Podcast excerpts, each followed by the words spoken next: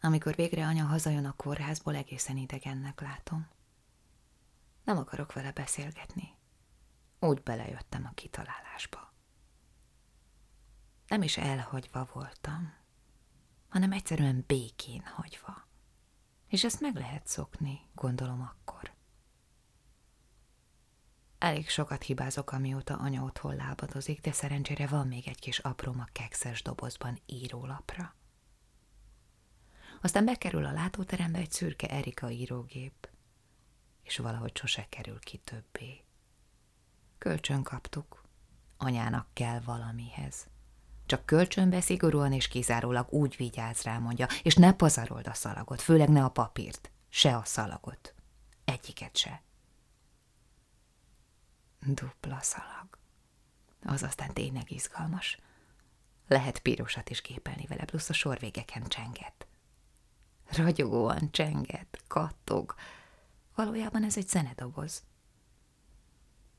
Egyszer egy irodában látok olyat, hogy villanyírógép. Nem tudom, mi értelme van, szerintem semmi.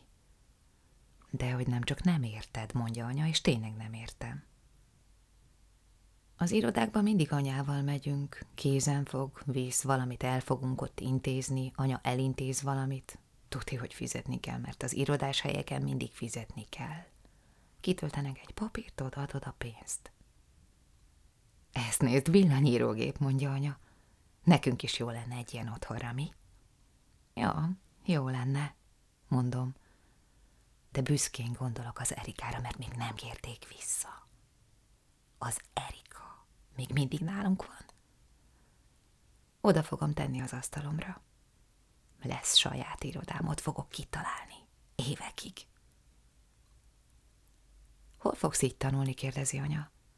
Olyankor majd félreteszem, felelem, de baromi nehéz. Így aztán nem teszem félre sosem. Csak azt gyűlölöm, ha kifogy a szalag. Sokáig kell várni, amíg anya vesz újat. Addig megbasztatom azt a fémkart, amit minden sor végén vissza kell tolni. Nagyon szép kis kar egyébként, szeretnék irodás néni lenni ezért a mozdulatért. Ne krampácsolj folyton, mondja apa. Az idegeire megyek. Apa a fülében tartja az idegeit, vagy mi. Na de majd a nagymama azt teszi be neki a kiskaput. De ezt akkor még nem tudja, csak ne krampácsoljak már az ékszerelmére. A franc az a krampács. Krampácsolok.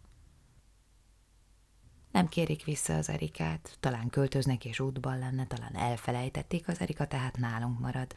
Végül tényleg elfelejtik, mindenki elfelejti, kivéve én.